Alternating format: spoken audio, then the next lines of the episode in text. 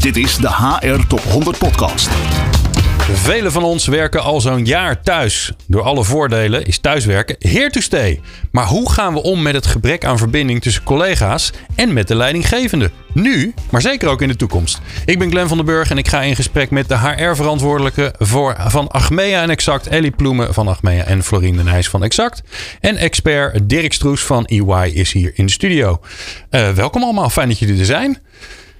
Ja, ik, ik begin even om, om een beetje gevoel te krijgen bij hoe groot is dit vraagstuk nu. Dus op een schaal van 1 tot 10, hoe groot is dat gebrek aan verbinding? En 10 is dramatisch, het is vreselijk en dan moeten er morgen wat aan doen. En 1 is, nou eigenlijk valt het best wel mee, het speelt helemaal geen rol. Ellie, hoe ben je bij Achmea? Ja, in de, in de huidige periode waarbij we een jaar aan thuiswerken zijn, zou ik zeggen dat het intussen wel een uh, acht is. Oké, dus en zorgelijk. we organiseren wel veel omheen om het voor elkaar te krijgen.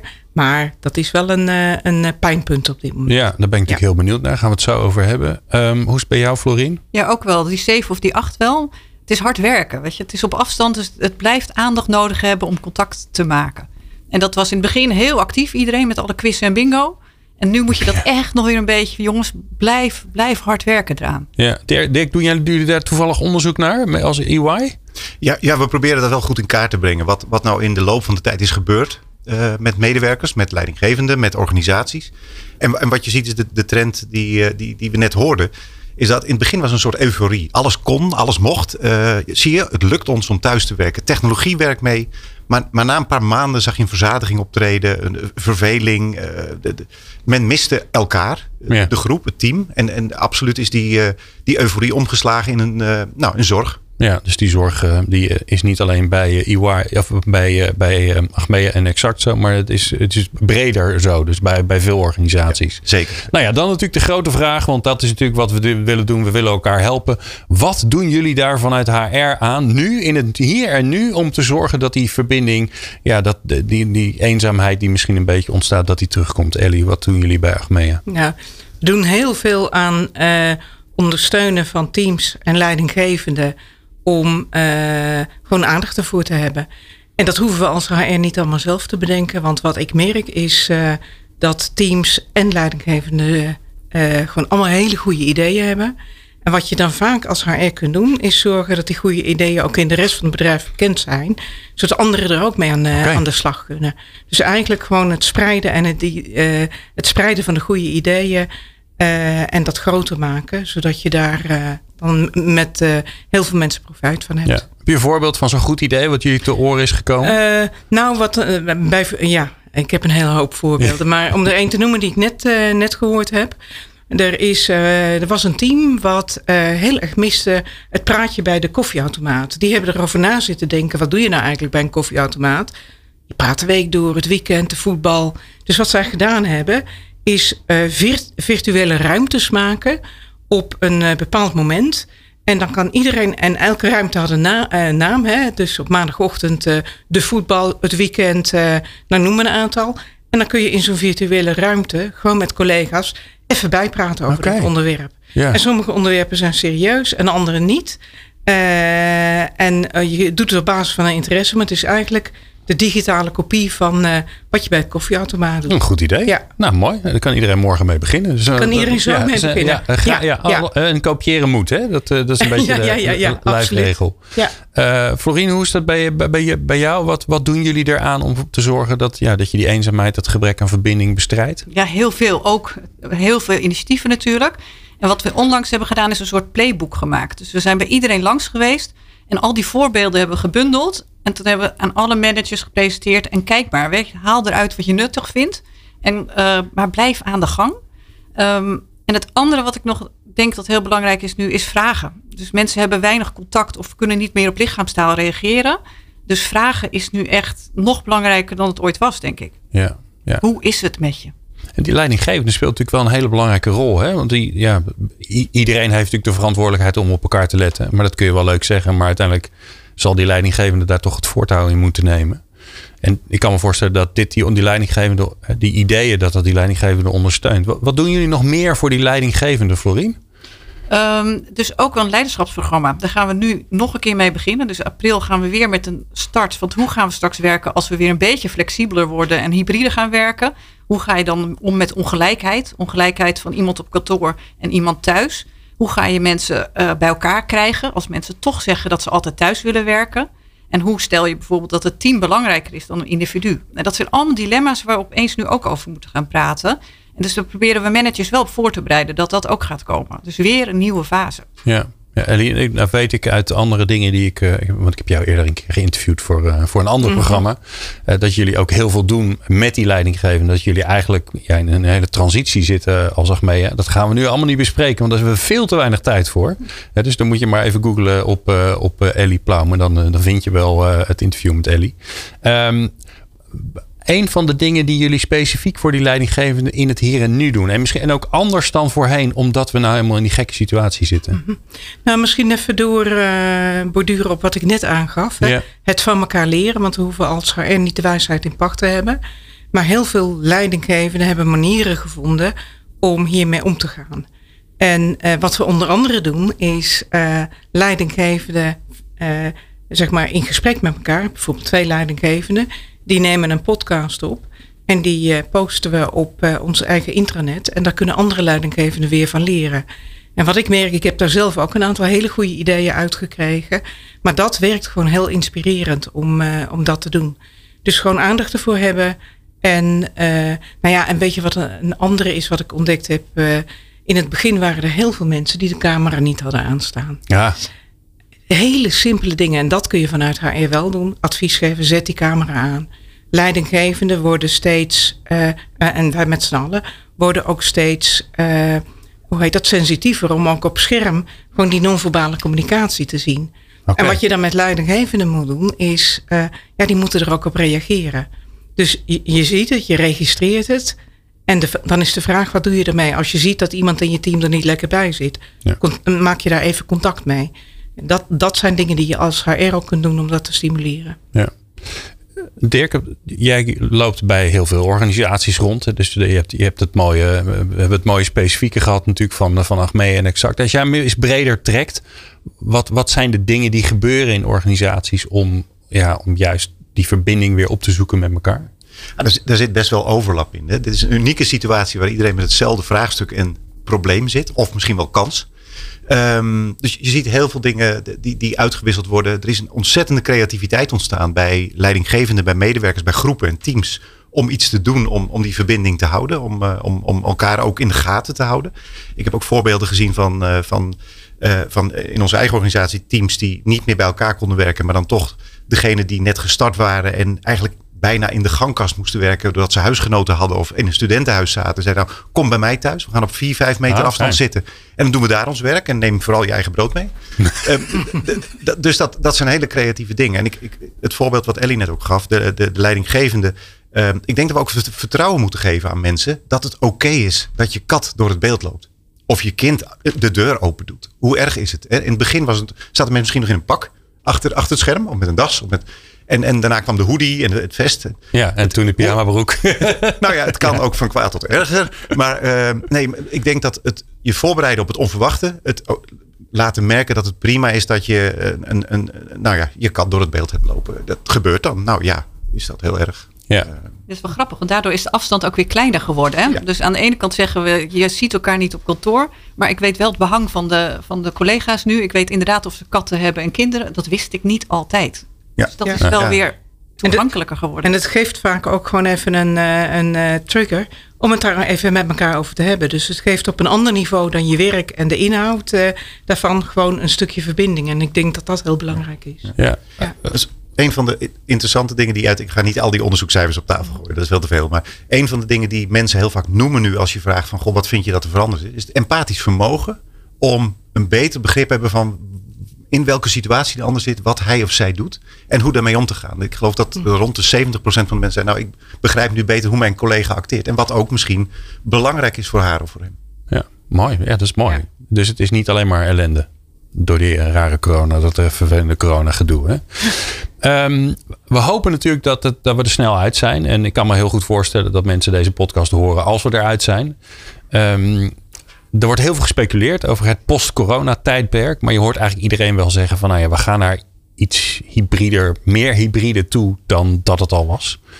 Uh, en de ene organisatie, hè, daar was thuiswerk natuurlijk veel, uh, veel normaler dan bij de andere. Um, hoe, hoe gaan we voor die, voor die versterking van die verbinding zorgen als we straks weer ook op kantoor of ook weer uh, uh, met minder afstand in zaaltjes kunnen gaan zitten. Nou ja, alle dingen die we eigenlijk nu niet meer kunnen. Uh, Florien, wat, hoe, hoe kijken jullie daarnaar? Ja, we zijn toch ook wel een beetje een soort spelregels met elkaar aan het bedenken. Zonder dat het regels worden. Want dat is een beetje het gevaar dat we in beleid gaan denken straks. Dus wij denken meer in spelregels en gesprek. Dus manager, medewerker gaan met elkaar praten. En dat is niet HR, ook wat Ellie zegt, dat moeten wij niet vastleggen. Maar dat is jij en ik. En we gaan kijken wat het beste bij jou past.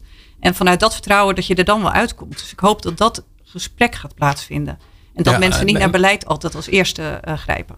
Oh, dat is mooi. En dan zeg ik, ja, ik hoop dat het gesprek gaat plaatsvinden. Wat doen jullie dan voor dat dat gaat plaatsvinden? Want ja, in de hectiek van alle dag kan het ook nog wel eens verdwijnen. En dat is natuurlijk ook een beetje het gevaar wat er is ja, we gaan weer terug. En voordat je het weet zitten we weer in die oude groef. Ja, dat is nu al beginnen. Dus nu managers al trainen over dat dat gesprek gaat komen. Okay. Medewerkers vertellen dat het niet een eigen keuze is, maar dat je dat met elkaar doet. Dus je moet in gesprek met je manager, met je team, dat je dat gesprek kan verwachten. Dat is eigenlijk de start. En dan zal dat over een paar weken, maanden gaan plaatsvinden. Ja, wat hoop je dat eruit komt? En dan is het bij deze geen beleid, maar wel een hoop. Wat ik hoop dat uit gesprek komt. Ja. Dat mensen voelen dat ze zichzelf kunnen zijn. Dus dat je eigen keuze, dus ik heb een gezin, ik wil de kinderen ophalen, dat dat kan. En dat er ruimte voor is. Oké. Dat hoop ik. Dat dat meer is dan dat dat hiervoor was. Dus je eigen leven, dat dat veel meer verweven wordt met je werk. En ik hoop dat we die ruimte gaan geven. Ja, mooi. Ellie, post-corona tijdperk, we hunkeren ernaar. Ja. Maar ja, het wordt ook wel weer spannend natuurlijk. Hè? Ja. Hoe, hoe, gaat het er straks uitzien? Ja. Nou, wij hebben een, uh, zeg maar, wat we noemen de visie op toekomst van werken. En eigenlijk komt het er kort gezegd op neer. Je werkt daar waar je je werk het beste kunt doen. Dus als je concentratiewerk hebt, kun je misschien het beste thuis doen als je een goede werkomgeving hebt. En als je moet samenwerken en uh, creatief moet zijn, dan zoek je elkaar op. Dus dat is de visie op de toekomst. Wat we nu aan het doen zijn, is met heel veel pilotteams aan het kijken van als, dat, als we dat willen, wat moet je dan oplossen op een andere manier dan we dat in het verleden deden. Nou, die pilots die lopen nu voor zover het uh, op afstand kan. Als je daarvoor naar kantoor moet, moeten we even wachten tot we weer naar kantoor kunnen. En we hopen daar veel, heel veel over te leren over de toekomst. Wat ook belangrijk is, is dat leidinggevenden met hun teams en medewerkers in gesprek gaan over hoeveel wil jij op kantoor werken, hoe ziet dat er voor jou uit. En wat we daaraan doen is we helpen ze door een soort uh, gespreksleidraad voor een team, uh, voor de teams te ontwikkelen van, nou wat, uh, wat moet je dan allemaal bespreken om daar keuzes in te maken. En het kan zijn dat teams daar heel verschillende keuzes in maken. Die ruimte die is er ook. Ja, ja wat het gekke is natuurlijk dat we, we hebben natuurlijk eerder een enorme thuiswerk, uh, het nieuwe werken noemden we dat toen. Nou, ja. ondertussen is dat oud. Voor, voor een gedeelte doorgebroken. Hè? Ooit misschien zelfs wel begonnen bij, bij Interpolis. Hè? Dat was toen ja. een van de, van de mooie lichtende voorbeelden. Um, Um, wat ik wel grappig vond, was dat er toen ook een soort tegenbeweging kwam toen we allemaal agile gingen werken. Want toen moesten we ineens weer samen bij dat ja. bord zitten met al die geeltjes. Ja. Um, dus wat is daar dan van overgebleven? Ja. Ja, je hebt voor dat, uh, zeg maar voor bij elkaar zitten op die bordjes, heb je ook heel veel goede digitale ja, ja. varianten. Dan gaan we allemaal aan Trello zitten. We hebben eigenlijk heel veel, uh, voor heel veel dingen nu ontdekt omdat het moest, dat, dat het ook digitaal kan. En de vraag is straks van wat houden we daarvan? En het risico wat ik een beetje zie is in het begin waren we super enthousiast over alles wat thuis kan. Nu raakt er een slijtage in en is er bijna zoiets van nou nee, we willen allemaal weer naar kantoor. En ik hoop, ik hoop echt dat we daar straks gewoon de goede keuzes in maken. Je gaat naar kantoor voor die dingen die je samen moet doen. En je werkt thuis als dat kan voor die dingen die je thuis kan doen. En dan zal je meer thuis werken dan voor corona. Dat is Ja. goed. Uh, volgens mij is dat goed voor iedereen. Ja. Dirk, um, trek hem eens breed. Post-corona. Hoe, hoe zien jullie dat voor je? Wat, welke beweging zien jullie ontstaan? Nou, ik denk wel dat we onderscheid moeten maken tussen industrie en sectoren. Waar, waar kenniswerk en productiewerk zit, zit heel anders in elkaar. Dus het is moeilijk om één, uh, één, één uitspraak of één visie daar, daarop te geven. Ik ben het wel ontzettend eens uh, met Ellie en Florien om, rondom de, de weg naar flexibiliteit. Nu we straks weg kunnen van alleen maar remote. dus op afstand, uh, wordt een hele belangrijke. En hoe houden we dat toch inclusief? Dat als iemand op uh, haar of zijn volkerslocatie werkt, toch onderdeel is van die discussie. En niet voelt, er zitten vijf mensen in een kamer. Ik zit hier, wat is nu mijn bijdrage? En ja, want dan is die gelijkheid weg. Want dat is, is natuurlijk ja. nu het mooie. Hè? We zitten allemaal achter dat stomme schermpje. Dus we zijn gelijk. Ja, uh, ja. En, en dan krijg je wel weer ineens dat er verschil is tussen... Ja, hebben we nabijheid of, uh, of afstand? Ja, ja, dat is een, uh, die, die nabijheid, dat kan best eens een, een, mooi vraagstuk uh, gaan worden om ook om op te lossen. Of dat nou technologie is, maar misschien is het nog wel meer gedrag in plaats van technologie. Ja. Ik, ik denk ook dat dat het meer is. Maar uh, ja, één, vorm. Er zal een vorm ontstaan voor kenniswerken. Er zal een vorm ontstaan in, uh, op een productie. Uh, op een productiesite. Er zal een, een, een mengvorm ontstaan. ik denk dat we voor iedere sector goed moeten kijken wat er nou voor goede dingen gebeurd zijn die we kunnen voortzetten. Terwijl we ook weten dat een heleboel dingen dus niet werken. Nou, laten we die dan zo vormen dat ze ofwel gaan werken of afscheid van, van nemen. Ja. Ik wil eigenlijk afsluiten met een tip voor collega's. Dit is ja, in het kader van de HR Top 100. Dus er gaan HR-collega's luisteren. Uh, het leuke is, jullie teams gaan ongetwijfeld ook luisteren. Dus jullie luisteren ook naar, naar, naar elkaar. Um, wat zou je mee willen geven aan je vakgenoten als tip? Wat ze gewoon concreet morgen zouden kunnen doen. Waar, waar niet heel veel tijd in gaat zitten. Hè? Want we hebben het allemaal best wel, we hebben best wel wat te doen. Al is het maar dat we ze nu dan ook even moeten wandelen. Uh, dus Ellie, wat wil je, wat, welke tip zou je mee willen geven over die verbinding aan je, aan je vakgenoten? Nou ja, een van de. Ik vind wandelen een van de grote ontdekkingen. Je hebt een heel ander type gesprek als je met een uh, collega wandelend uh, een overleg doet. Dus dat is een tip. Ik zou er ook nog graag een andere willen, willen geven. Mag. We leren zo ontzettend veel van deze situatie. Dus wat ik aan collega's mee zou willen geven. Uh, en, en andere HR-mensen. Blijf goed kijken. Leer wat er, wat er werkt en wat er niet werkt. Want dat is zo bruikbaar in de periode na corona. Dus, uh, en het ligt nu voor het oprapen. Mooi, dankjewel. Florien? Ja, ga niet te snel naar de regels kijken, maar hou het leuk. Ik denk dat dat een belangrijk is. Hou het luchtig een oh, beetje. Heerlijk. Dus uh, al die uh, u, u zult en uh, gij moet, dat blank papier en opnieuw gaan tekenen. Ja, ja. maatwerk. Niet, ja. niet weer allerlei beleid en regels. En, en houd het leuk. En houd leuk. Ja, ja. Die, ja, heel mooi. Dirk, jij mag de uitsmijter doen. De uitsmijter. Ja, goed hè? Nou, de, de tip voor, voor, voor vooral HR-collega's en, en goed, ook breder. Maar uh, ik, ik, ik denk, dit is niet een probleem van HR. Dit is een probleem van ons allen. En dat willen we oplossen.